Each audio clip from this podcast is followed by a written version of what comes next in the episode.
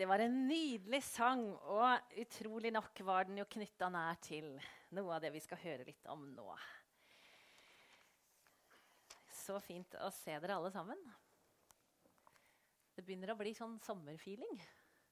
Nesten ferie. og Det er deilig å kjenne på det, at det snart er den annerledes tiden. Og i dag, så, eh, som er vår siste gudstjeneste, så skal jeg tale fra Johannes kapittel 10. Hvis du har med deg Bibel, kan du slå opp. Hvis du ikke har, kan du lese når du kommer hjem. Det er veldig kjente ord, og det er på en måte en veldig sånn kjent tekst. Og som jeg tenker er noe av det vi skal få lov å ta med oss ut i sommerferien. Jeg håper det er et ord å ta ferie på. Og dette er i Johannesevangeliet Jesus' siste offisielle opptreden. Eh, det er jo sånn at Evangeliene er litt forskjellige sånn i tidsberegning, og du kan av og til bli litt forvirra hva skjedde når og hvor er hva. Men det vi hører nå i Johannesevangeliet, det er det siste før slutten begynner. Og slutten det handler om påska. Det handler om det som skjedde på korset. Men dette er en sånn siste offisiell tale som Jesus holder. Og det gikk an å være forvirra når du hørte på Jesus. Hør bare her. Det står bare at Jesus begynte å snakke, og så sier han Den som går inn gjennom døra Nei, unnskyld. det var helt feil. Begynn på nytt. Den som ikke går inn gjennom døra, men klatrer inn et annet sted, han er en tyv og en røver. For gjeteren, han går inn hoveddøra. Og da vil den som sitter i porten og vokter, han vil åpne opp for han og la han slippe inn. Sauene hører han. Han roper på hver enkelt med sitt rette navn. Og så leder han dem ut. Han går foran, og alle sauene følger etter. De kjenner stemmen hans, derfor følger de han. De ville aldri følge stemmen til en fremmed. Ingen av de som hørte på Jesus, skjønte hva han snakka om den dagen her. Som det står referert fra i Bibelen. Kanskje ikke så rart. Det er ikke sikkert vi hadde skjønt det, vi heller. Hva var det Jesus snakka om? Jesus forsto at de ikke forsto. Så han fortsatte fortellingen sin. Jeg er inn til sauene. Den gode gjeteren vil gi sitt liv for sauene. Men hvis et menneske bare jobber for sauene, altså er en leiekar, da ville han ikke ofre sitt liv hvis det skulle oppstå fare. Han ville ikke bry seg nok om sauene, men være den første til å flykte hvis det f.eks. kom en ulv. Jeg er den gode gjeteren. Jeg kjenner mine, og mine kjenner meg. Akkurat sånn som min far og jeg kjenner hverandre. Jeg gir livet mitt for sauene. Det finnes også flere sauer. Alle skal bli en flokk som gjetes av meg.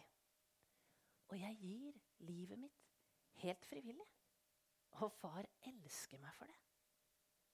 Oppdraget jeg har fått av far, er å gi livet, og så ta det tilbake igjen. Da Jesus var ferdig med å fortelle dette, blei det nok en gang, som dere i denne kirka her har hørt mange ganger før, stor uenighet blant jødene. De hadde blei nesten en splittelse. Og de fortsatte å snakke sånn som de ofte hadde gjort. Noen sa 'Han må jo være gal!' Eller besatt av en demon. Mens andre sa 'Nei, Demoner snakker jo ikke sånn. Dessuten kan ikke onde ånder helbrede. Og hvis dere husker, så hadde Jesus akkurat helbreda øynene til en blind mann som hadde fått syn igjen. Så står det videre i Johannes 10. Det var vinter, og det var tid for hanukka, lysenes høytid for en jøde. Jesus var i tempelet, mange var der, og han gikk rundt i Salomos bugang. Dette var et sted der hvor folk rabbinere underviste sine disipler og mange mennesker kom enten for å be eller for å være stille, meditere. Og jødene flokka seg rundt Jesus, og så ba de ham en gang for alle kan du nå være så snill å si er du Messias eller er du ikke Messias. Si det, da! Jeg har sagt det, dere det, svarer Jesus. Men dere tror ikke på meg. Det jeg gjør, vitner om meg. Jeg vitner i fars navn. Mine sauer hører og kjenner igjen min stemme.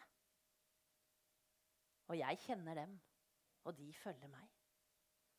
Jeg skal gi dem evig liv, og ingen skal kunne rive dem ut av min hånd. Det far har gitt meg, er større enn alt annet.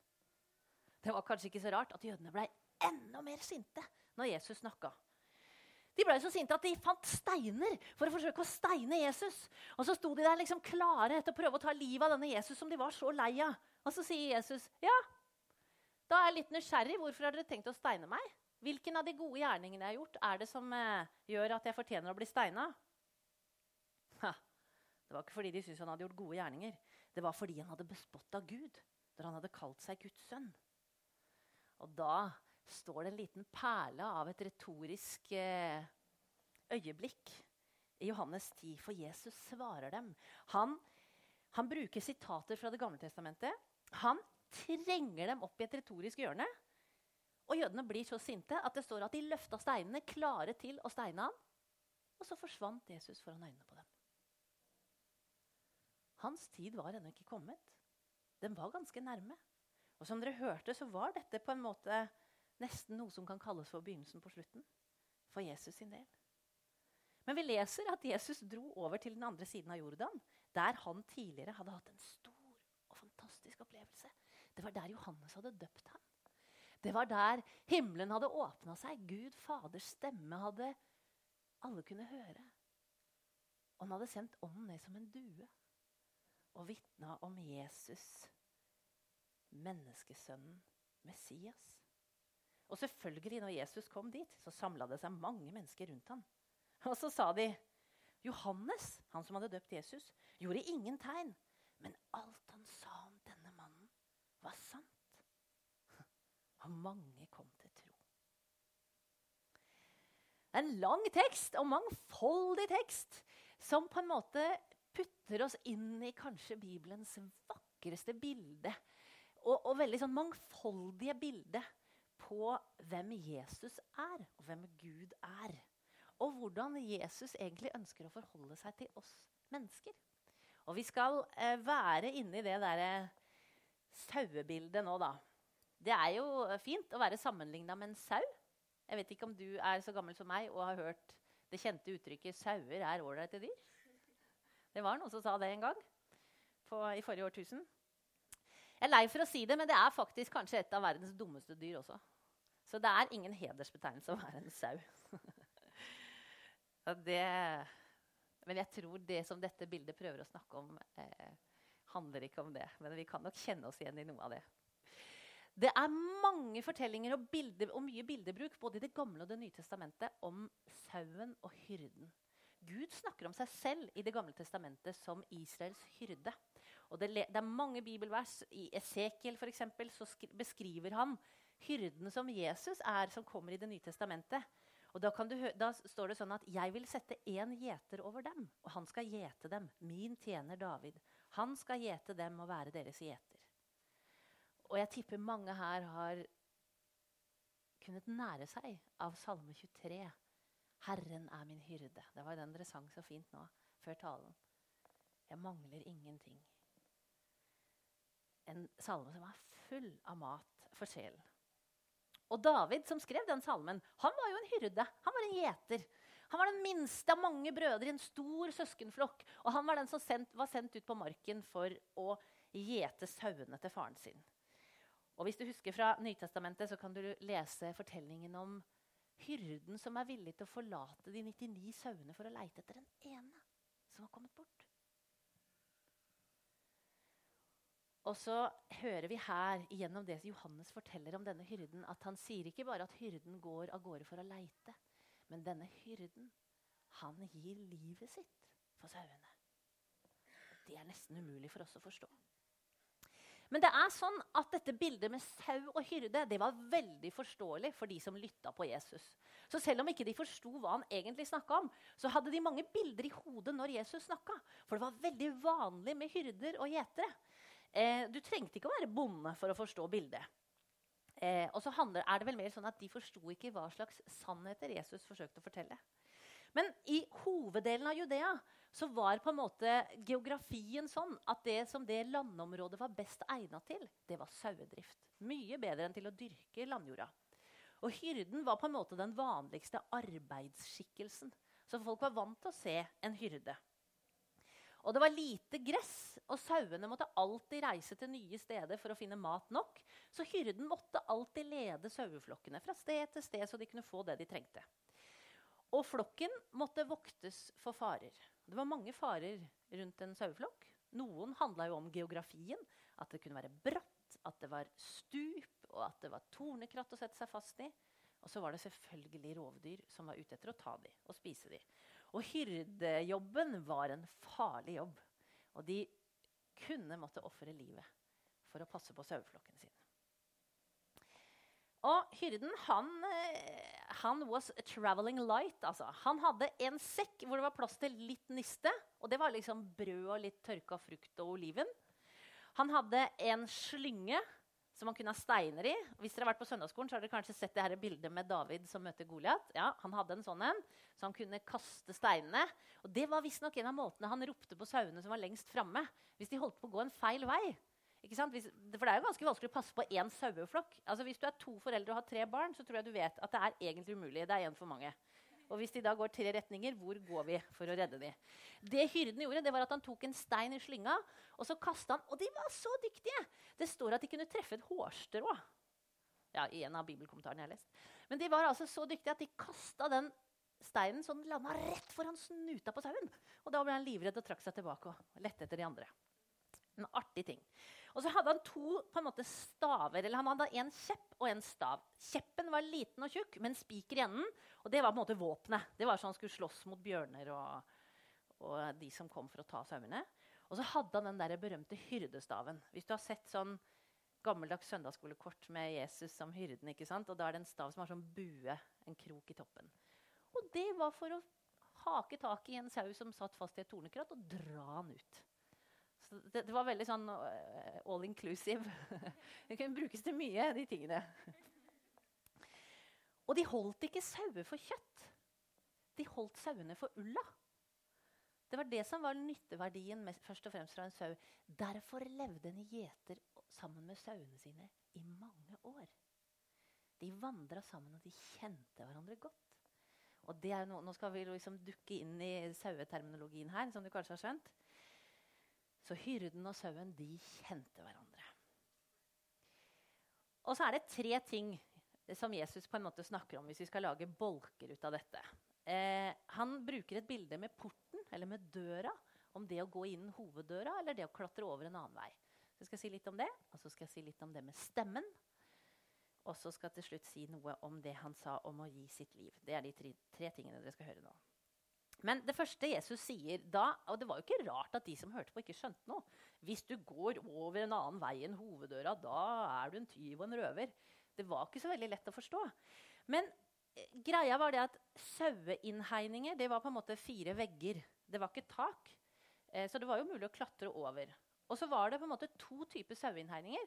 Enten så var det i byene og de store stedene så kunne det være svære innhegninger hvor mange var, inne. Og der var det jo en portvokter som passa på at kun de som var hyrder på ekte, fikk lov å komme inn. Eh, og dermed så sier jo stemmer, eller Det gir veldig mening til det bildet om at Jesus han han brukte hoveddøra, for han var en gjeter. Han var ikke en som trengte å snike seg over veggene. Og Det gjorde de som kanskje ville stjele et lam eller ta med seg noe som ikke var sitt. De gikk inn andre veier. Derfor var de tyver og røvere. Og Portvokteren han visste hvem det var som var hyrder, og slapp bare andre gjetere inn. Og så er det et annet bilde som er veldig vakkert. og det er at Når de var på beita, det var det jo veldig ofte, så søkte de ly sånne små innhegninger som var rundt omkring. For dette var jo et landskap med mange saueflokker.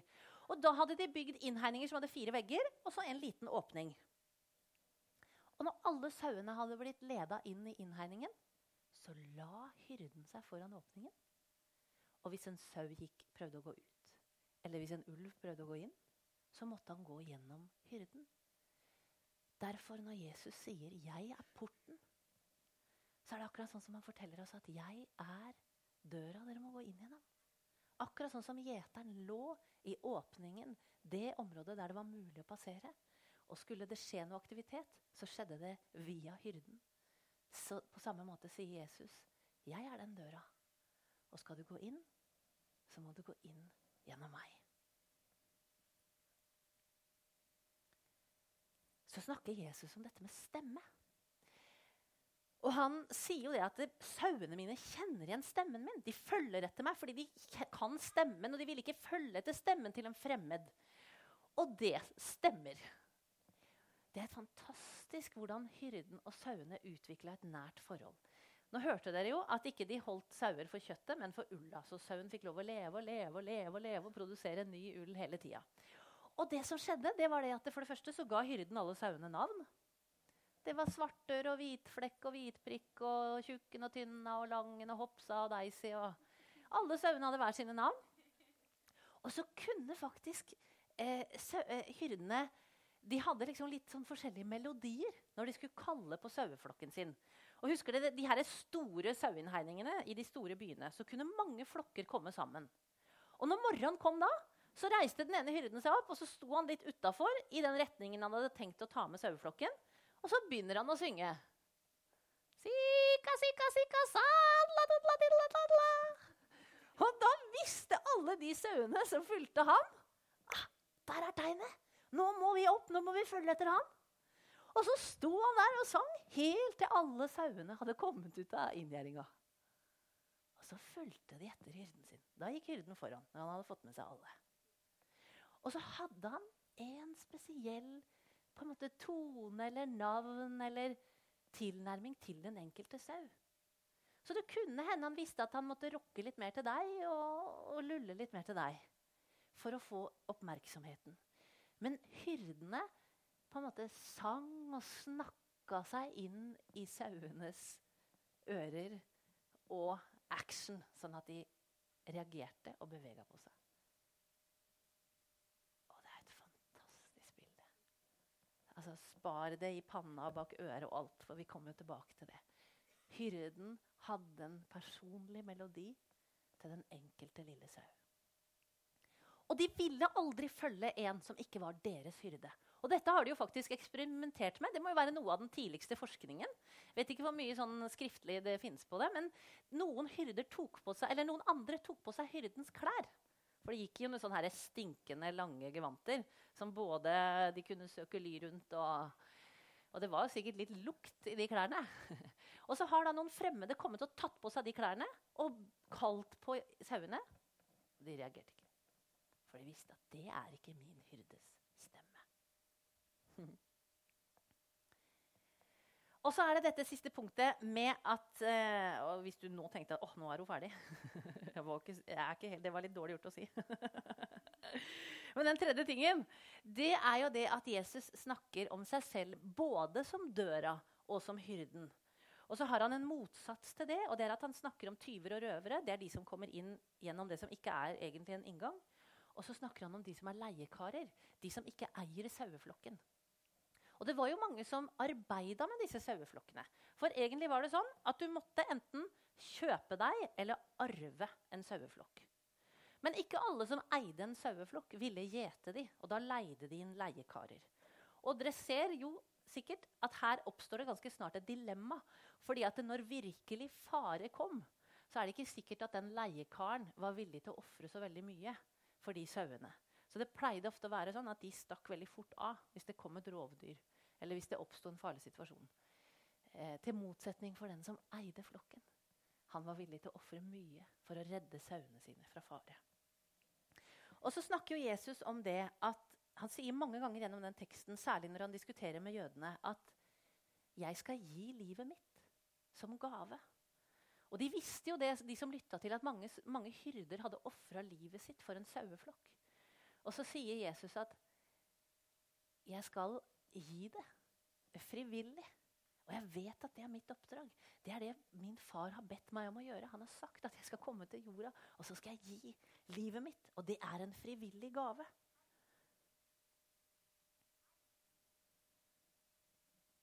Og Jesus visste når han sto der og snakka til denne flokken, at dette på en måte var begynnelsen på slutten. Han visste hva som kom. Han visste jo om påska mye mer enn disiplene og de som hørte på han og de som sto rundt ham, ante. Og så sier Jesus, 'Dette gjør jeg frivillig.' Det er min gave til all verdens sauer. Og så tenker jeg For fantastisk bilde. Jeg tenker ikke ofte på meg sjøl som en sau. Det må jeg ærlig innrømme. Og jeg, det er ikke sånn at jeg lever i hyrdeforestillingen. Liksom, forestillingen. Selv om det er noe jeg lærte opp til. For jeg gikk på søndagsskole da jeg var liten, og da var jo Jesus den gode hyrde et bilde vi ofte blei lært noe om. Og jeg har hatt mange sånne kort med Jesus som den gode hyrden. Men jeg syns når jeg fordypa meg i denne teksten, at det lærer meg noe som gir meg mat for hele livet. For det første det er jo bare Jesus som er den døra inn til himmelen, inn til Gud. Og ikke bare leder han oss til Gud, som den gode gjeter vil gjøre, men han gjør også sånn som den gode gjeter gjorde i Midtøsten på denne tida. Det er at han selv var døra. Når sauene sov, så la han seg i åpningen. Og så visste han jeg beskytter de med mitt liv for fare utenifra og for at de skal forville seg innenfra.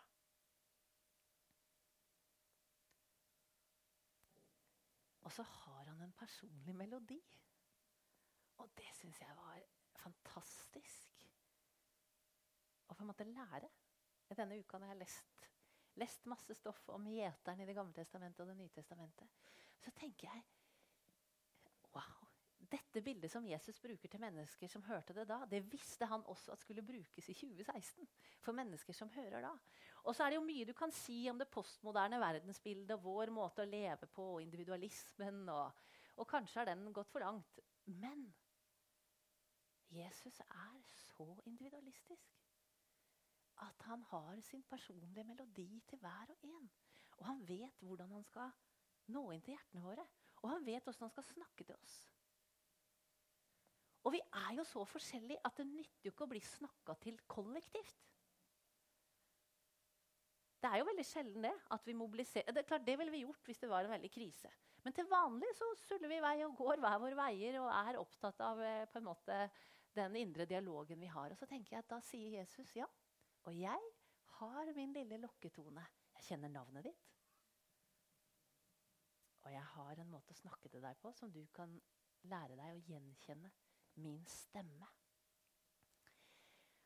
Jeg har mange sånne gode minner i kroppen av at folk har kalt meg med navnet mitt. Jeg vet ikke om du har noe sånn at du kan liksom lukke øynene og huske noen sånne øyeblikk hvor, hvor noen har ropt ut navnet ditt. F.eks. når du treffer noen et sted du bare overhodet ikke forventer å treffe deg. Altså sånn Møte søskenbarnet ditt i Syden, liksom. Ah! Kristin! Det er veldig gøy. Jeg kan ennå huske første gangen noen kalte meg for tante. Det var i skogen nedi her. Lille Agnes som, som hviska nesten ut 'tante'. Og jeg reagerte ikke engang, for jeg skjønte jo ikke at det var meg. Inntil svigerinna mi sa 'du, nå snakker hun til deg'. da hadde jeg fått en ny tittel. Og og så, kan jeg tenke sånn med alle de navn og begrep jeg har. Altså Jeg har et navn og et etternavn, og så har vi jo noen titler vi er datter eller sønn. Vi er kanskje gift med noen, eller vi er foreldre. Det er veldig godt å bli kalt for sitt rette navn. Og jeg tenker at Det er noe av det som jeg, på en måte Jesus eh, minner meg om i, i denne talen fram til i dag. At jeg tenker at det, er, det får lov å være så personlig at Jesus har tenkt å snakke til deg sånn som du kan høre det. Og Han kjenner navnet ditt. Og han kjenner melodien inni deg. Og han vil så gjerne få snakke den til deg. Og så tenker jeg at det er noe fantastisk hvis vi bare låner et sekund inn i Gamletestamentet og tenker når Jesus da snakker til meg og vil lede meg For denne hyrden som Jesus forteller om i Johannes 10, han vil veldig tydelig lede flokken sin. Han leder jo flokken til beite. Han leder den dit den kan finne mat. Og hvis du husker hvordan Salme 23 går, så snakker jo den om akkurat hva en hyrde vil lede saueflokken sin til. Til hvile. Til mat til grønne enger. Og til dekka bord foran fiendens øyne. Og Det tenkte jeg var en sånn god ting å kunne ta med seg inn i sommerferien. Jeg regner med at det er mange nå som kjenner at eh, å, hadde jeg skulle jobba tre uker til nå, så hadde jeg ikke hørt det. Det er godt det bare er en uke igjen. Åh. Eller kanskje er det ikke først og fremst kroppen som trenger hvile, men det er sjelen. Det er trøkk i sjelslivet som trenger å få lov å hvile. Jeg jo håper at vi kan gå noen dager og uker i møte hvor vi kjenner at Gud og Jesus kan få lov å lede oss ut til hvile. sånn at vi kan få lade våre egne batterier. Og at vi kan få mat dit vi skal. Det regner jeg med, det pleier vi å være gode til å sørge for. Men at vi også kan få åndelig mat. Det er veldig lett i dag, hvor alt er tilgjengelig via et nett. Sånn at selv om ikke du går på gudstjeneste, om du ikke skulle gjøre det, så tenker jeg, pass på å gi deg selv litt mat. Les et bibelvers, be en bønn, eller hør på en tale. De florerer av det på nettet. Så det er ikke vanskelig å finne. Og så syns jeg det er et godt ord til trøst for de av oss som vil gå en sommer i møte der vi møter noe som er vanskelig. I Salme 23 så snakkes det om at like foran fiendenes øyne så dekker du bord for meg. Og jeg tenker at eh, noen ganger så kommer sånne fiendeopplevelser overraskende og plutselig. Andre ganger er de der. Vi vet godt om dem. Og kanskje ikke så mange av oss går rundt og tenker at vi har fiender. Men vi har jo fiendekraft som forsøker å ta livsgnisten og livsenergien fra oss. Og så tenker jeg at Da gir salmen oss no, et budskap om at midt i det som er vanskelig, og midt i det som stjeler livskraften fra oss, så sier Gud, 'Jeg vil gi deg det du trenger. Jeg dekker bord for deg. Jeg gir deg mat. Jeg vil styrke deg når du trenger det.' Og nå etterpå skal vi feire nattverd. Og det er en veldig sånn symbolsk handling til å minne oss selv på at Jesus har gitt oss det vi dypest sett trenger. Og han vil også gi det i hver enkelt dag og i hvert enkelt øyeblikk. Det var mange som var sinte når Jesus snakka. Det var mange som ble ordentlig frustrerte. De var så sinte at de hadde lyst til å ta livet av ham. Og på en måte så tenker jeg Jesus har jo fortsatt, altså Det vekker mange reaksjoner å høre om Jesus. Eh, på en måte så krever det at vi tar stilling til hvem han er. Og så sier Jesus gjennom denne teksten, 'Jeg er en gave til dere.' Og jeg vil at du skal ta imot den dype relasjonen, den nære relasjonen, som det er å følge etter en kjent og trygg stemme.